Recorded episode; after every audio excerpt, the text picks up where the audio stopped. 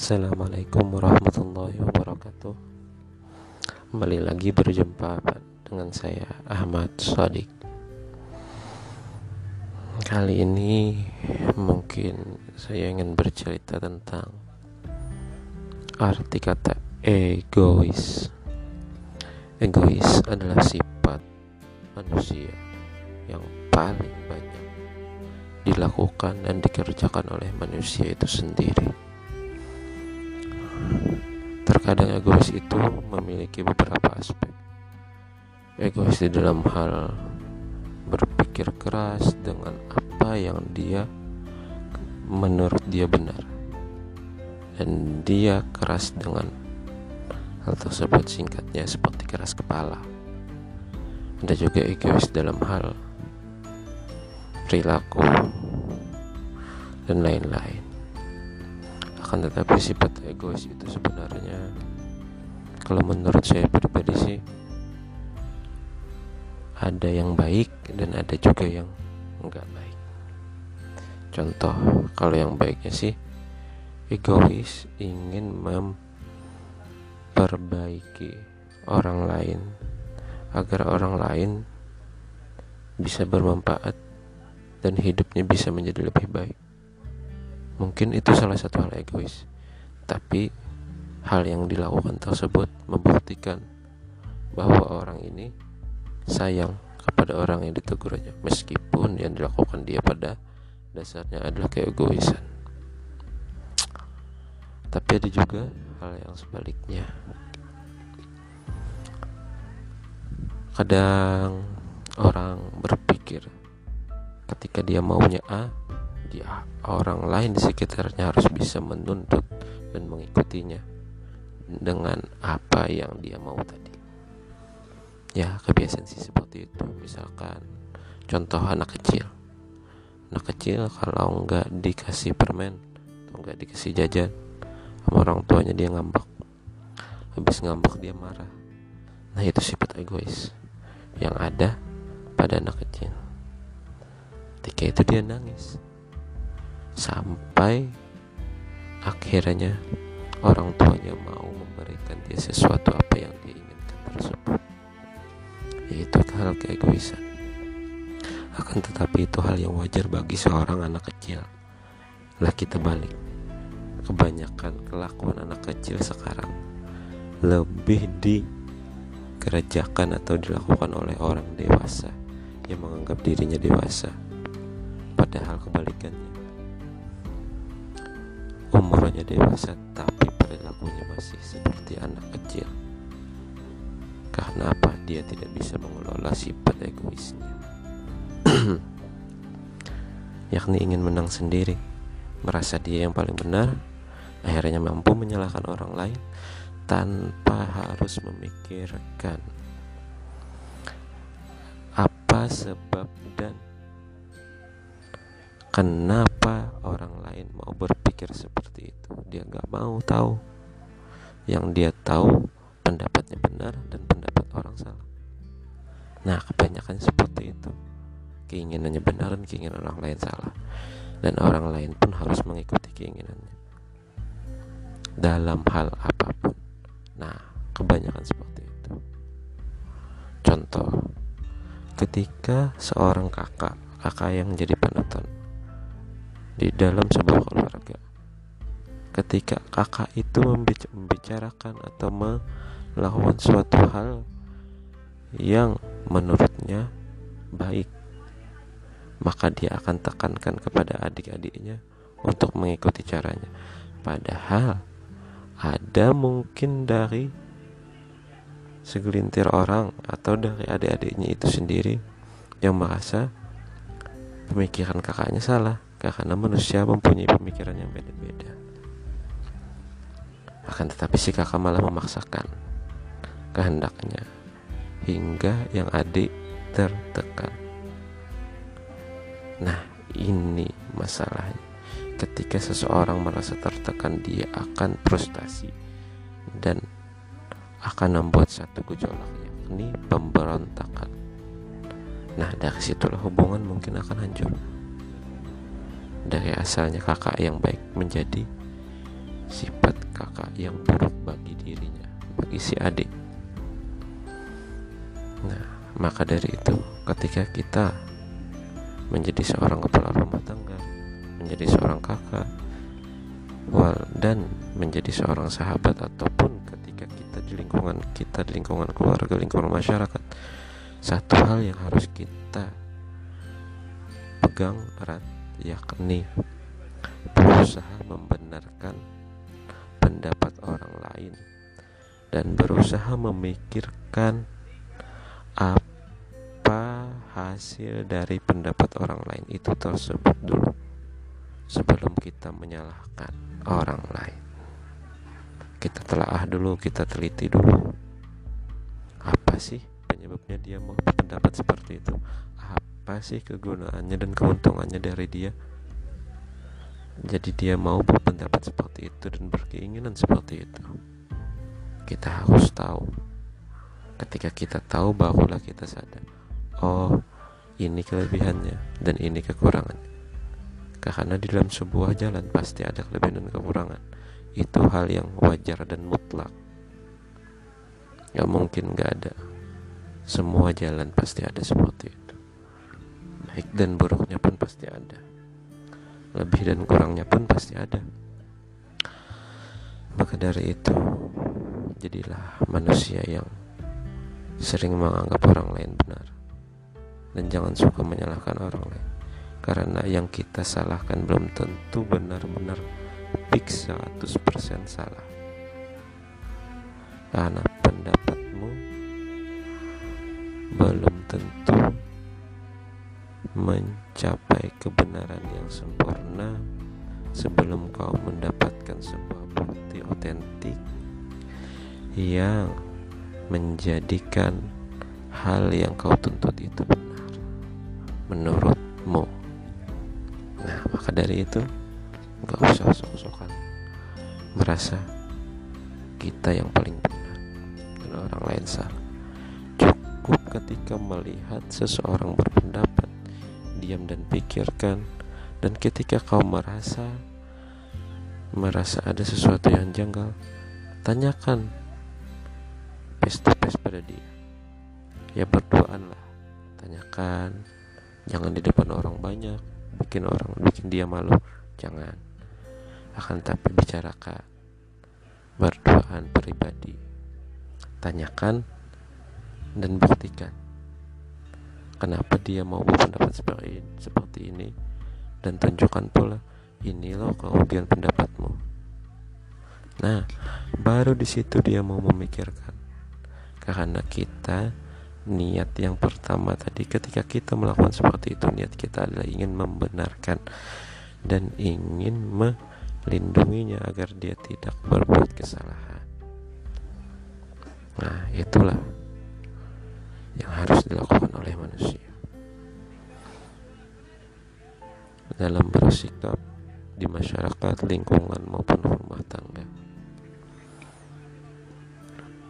Jangan pernah menjadi seseorang yang egois. Karena egois itu sakit, Bro. Ketika di dalam percintaan, seseorang berusaha egois, dua pasangan yang, asalnya asal muasalnya saling mencintai mungkin akan berakhir tragis ketika si pasangan tersebut ada salah satu yang egois. Ketika si uh, prianya yang egois, perempuannya akan walau yang pertama mengalah, terus mengalah, mengalah lagi, mengalah lagi, akan tetapi manusia mempunyai batas kesabaran. Dan ketika si wanita di ujung batas kesabaran, maka dia akan menyerah Nah, maka dari itu, ketika kita berhubungan, hilangkan dulu sifat egois kita. Ketika ada permasalahan, selesaikanlah dengan kepala dingin. Ketika tak mampu menyelesaikan dengan kepala dingin, hindari. Hindari permasalahan tersebut. Ya lo pergi kayak dulu, tenangin diri, membuat hobi lo, kerjakan hobi-hobi lo, misalkan futsal, mancing dan lain-lain. Bisa jadi kan? Yang penting jangan pada saat itu lo panas-panasin. Maka masalah akan lebih besar. Nah maka dari itu kunci utama dari cerita saya ini ialah jangan pernah merasa benar dan berusahalah mencari kebenaran pendapat orang lain semoga beruntung Wabillahi taufiq wal hidayah. Assalamualaikum warahmatullahi wabarakatuh. Ya, Assalamualaikum warahmatullahi wabarakatuh. Kembali lagi di segmen kedua kita. Ya, kali ini kita dua segmen sih. Karena saya baru ingat ada kemarin kemarin ada cerita tentang teman saya yang bercerita tentang masalah hidupnya. Kok? Katanya gini, kok gue ngerasa ketika gue yang selalu berbuat baik kok gue selalu disakitin orang? Kok orang lain selalu ngehianatin gue? Kok begini amat ya ketika kita mau berbuat baik? Ujiannya berat banget kata dia gitu. Terus gue jawab. Ya gue gue coba jawab lah. Padahal jawabannya juga ngelantur sih. Se apa? Ibarat itu senalar gue lah. Semampu gue mau menjawabnya. Ya gue jawab simpel gini. Kata gue kita berbuat baik apakah menuntut hasil dari perbuatan kita tersebut. Terus dia diam. Ya jelas nuntut hasil. Pertama hasilnya agar orang tahu kalau gue baik. Nah di situ letak kesalahannya. Kata gue gitu pula. Lah kenapa? Kata dia. Ya gini aja coba kata gue. Ya gini aja coba lo pikir. Ketika niat lo berbuat ingin membalas kebaikan lo agar lo dipuji menjadi seseorang baik maka hasil kebaikan tersebut nihil alias nol besar. Kenapa di situ? Kenapa seperti itu maksudnya? Karena sebuah kebaikan tidak bisa diukur dari nilai hasilnya. Karena sebuah kebaikan itu adalah jalan menuju sebuah keikhlasan orang yang berbuat baik belum tentu bisa disebut baik ketika hatinya tak ikhlas. Dan orang ikhlas pasti bisa disebut baik karena dia tidak memikirkan hasil walaupun dia disakiti walaupun dia dikhianati dia akan terus baik kepada orang lain. Tapi ketika orang berbuat baik memikirkan niat atau memikirkan manfaat dari kebaikannya agar dia merasa dianggap dirinya baik maka yang dia dapat cuma kekecewaan bro. Lah dia tercengang. Dia diam. Bener sih gue merasa kecewa nah di situ bro. Di situ ketika saat kita merasa kecewa hati kita merasa sakit. Dan itu menimbulkan hasrat yang membuat nalar kita pikiran kita error sebentar dan berpikir seperti ini. Ya percuma gue jadi orang baik. Mending gue jahat jahatin aja. Mending gue samain aja sama orang lain. Toh percuma kalau gue baik gue disakitin terus juga. Yang mending jadi orang jahat nyakitin orang lain. Lah terus terusan aja berpikir seperti itu. Nah di situ jadi letak kesalahannya. Yang kesalahan dari kesalahan satu kesalahan niat saja malah melubar malah meluas ke mana-mana menjadi ingin menjadi orang jahat. Pasrah dalam keadaan. Nah, malah hasilnya akan seperti itu. Karena apa? Karena niatnya nggak benar. Jadi ketika lo ingin berbuat baik niatin satu hal. Ini disuruh. Disuruh siapa? Suruh sama Rasulullah suruh Rasulullah pastinya ialah perintah dari Allah Subhanahu wa taala. Nah, niatin aja ke sana, Bro. Niatin aja gue berbuat baik lillahi taala karena Allah. cukup seperti itu karena apa karena ketika gue berbuat baik otomatis segala nikmat yang diberikan Allah kepada gue itu, itu sudah gue salurin kepada orang lain ya setidaknya di akhirat nanti kan Allah gak pernah ingkar janji bro. Allah gak pernah akan nyakitin hambanya. Ketika kita mau berbuat baik kepada orang lain hasilnya pasti akan diberi Allah kok asal ih ikhlas karena Allah bukan karena someone bukan karena seseorang yang kita rasa cintai bukan karena orang yang ingin kita deketin bukan karena calon mertua yang ingin kita deketin bukan bro akan tetap pikiran Allah. Setiap yang kita tuju karena Allah pasti menghasilkan sesuatu yang lebih baik. Di luar nalar dan akal sehat kita. Kebaikan itu akan mengalir seperti air. Nah maka dari itu kata saya lagi maka dari itu jangan pernah berhenti berbuat baik dan balik lagi niat lo buatlah niat lo sebaik mungkin. Ketika lo ingin berbuat baik buat dulu niat lo sebaik mungkin. Niat yang paling baik ialah niat ikhlas karena Allah. Hmm. itu pasti bro. Karena lo nggak akal bakal memikirkan yang namanya hasil dari perbuatan lo cuman di situ kok. Ya kadang banyak manusia sakit hati lo karena apa? Karena satu hal karena dia nggak bisa dipuji bro. Itu kan aneh. Aneh di mana minta dipuji? Minta disanjung wah kok baik kamu? Nah gitu gitu percuma bro. Hari ini lo dipuji besoknya mungkin lo akan dihina. Karena manusia itu hatinya berbolak balik lo nggak tahu dia bicara di depan lo lo baik. Di belakang lo bisa jadi lo lebih jahat daripada setan dia berkata pada orang lain nah maka dari itu jangan pernah meminta penilaian orang lain. Karena paling sakit penilaian ialah penilaian manusia. Karena manusia tidak pernah mau menilai orang lain sempurna. Karena manusia mempunyai sifat yang namanya sifat egois. Iya, jelas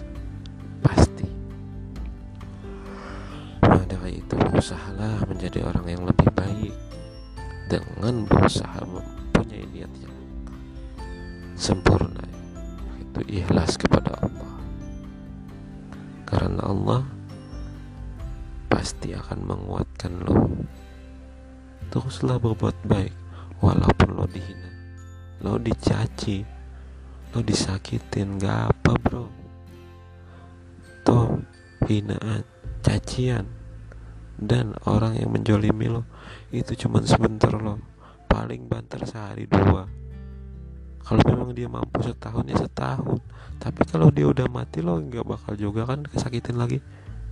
Nah, dari itu. Dan kunci ketika kita menjalani sebuah niat. Niat yang ikhlas maka keteguhan hati kita akan kita dapat. Sebuah seal atau tameng.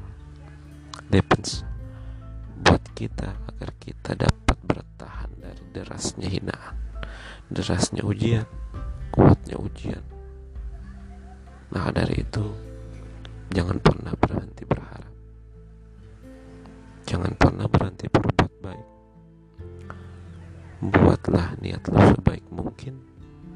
Terus jalani, nikmati, syukuri, dan sabar. Itu kunci utama hidup. Karena dalam hidup kalau lo nggak punya empat prinsip tadi, lo tewas. Lo bakal frustasi. Lo bakal digiling sama dunia. Yang jelas lo rugi. Habis lo rugi depresi akhirnya lo berbuat onar.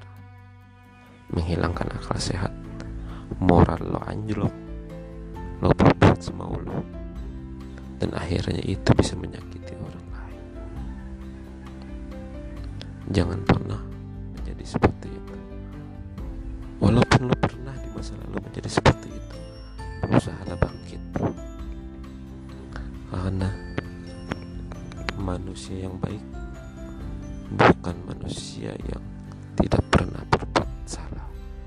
Akan tetapi manusia yang baik ialah manusia yang menyadari kesalahannya dan berhenti dan lalu memperbaiki kesalahan tersebut menjadi sesuatu yang lebih baik. Menyesal memang dari belakang, nggak mungkin di awal kita dapat menyesal. Karena kita manusia, pasti mempunyai pilihan baik atau salah. Itu tergantung apa yang kita pilih. Akan tetapi, ketika kita berbuat kesalahan, kembali lagi kepada diri kita. Mampukah kita menyudahinya?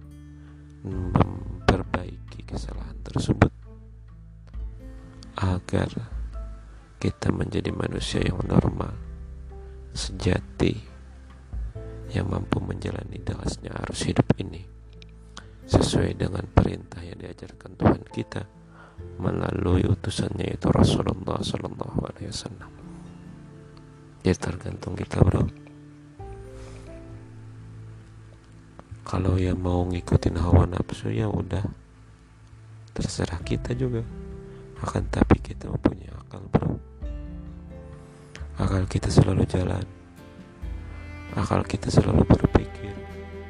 Ketika kita berbuat salah pastilah kesalahan tersebut akan dipikirkan oleh akal kita. Dan dia sadar bro. Kita sendiri sadar bahwa kita memang melakukan hal yang salah. Cuman kita nggak berani berubah itu doang bro. Maka dari itu ketika kita merasa depresi hentikan sejenak telaah sejenak? Pikirkan sejenak. Apa yang membuat kita menjadi jatuh? Dan singkirkan itu. Singkirkan semua masalah tersebut. Dan kembali memulai dari awal. Dengan program proses yang lebih baik. Ya mungkin itu saja yang dia yang dapat saya sampaikan الهداية ثم السلام عليكم ورحمة الله وبركاته.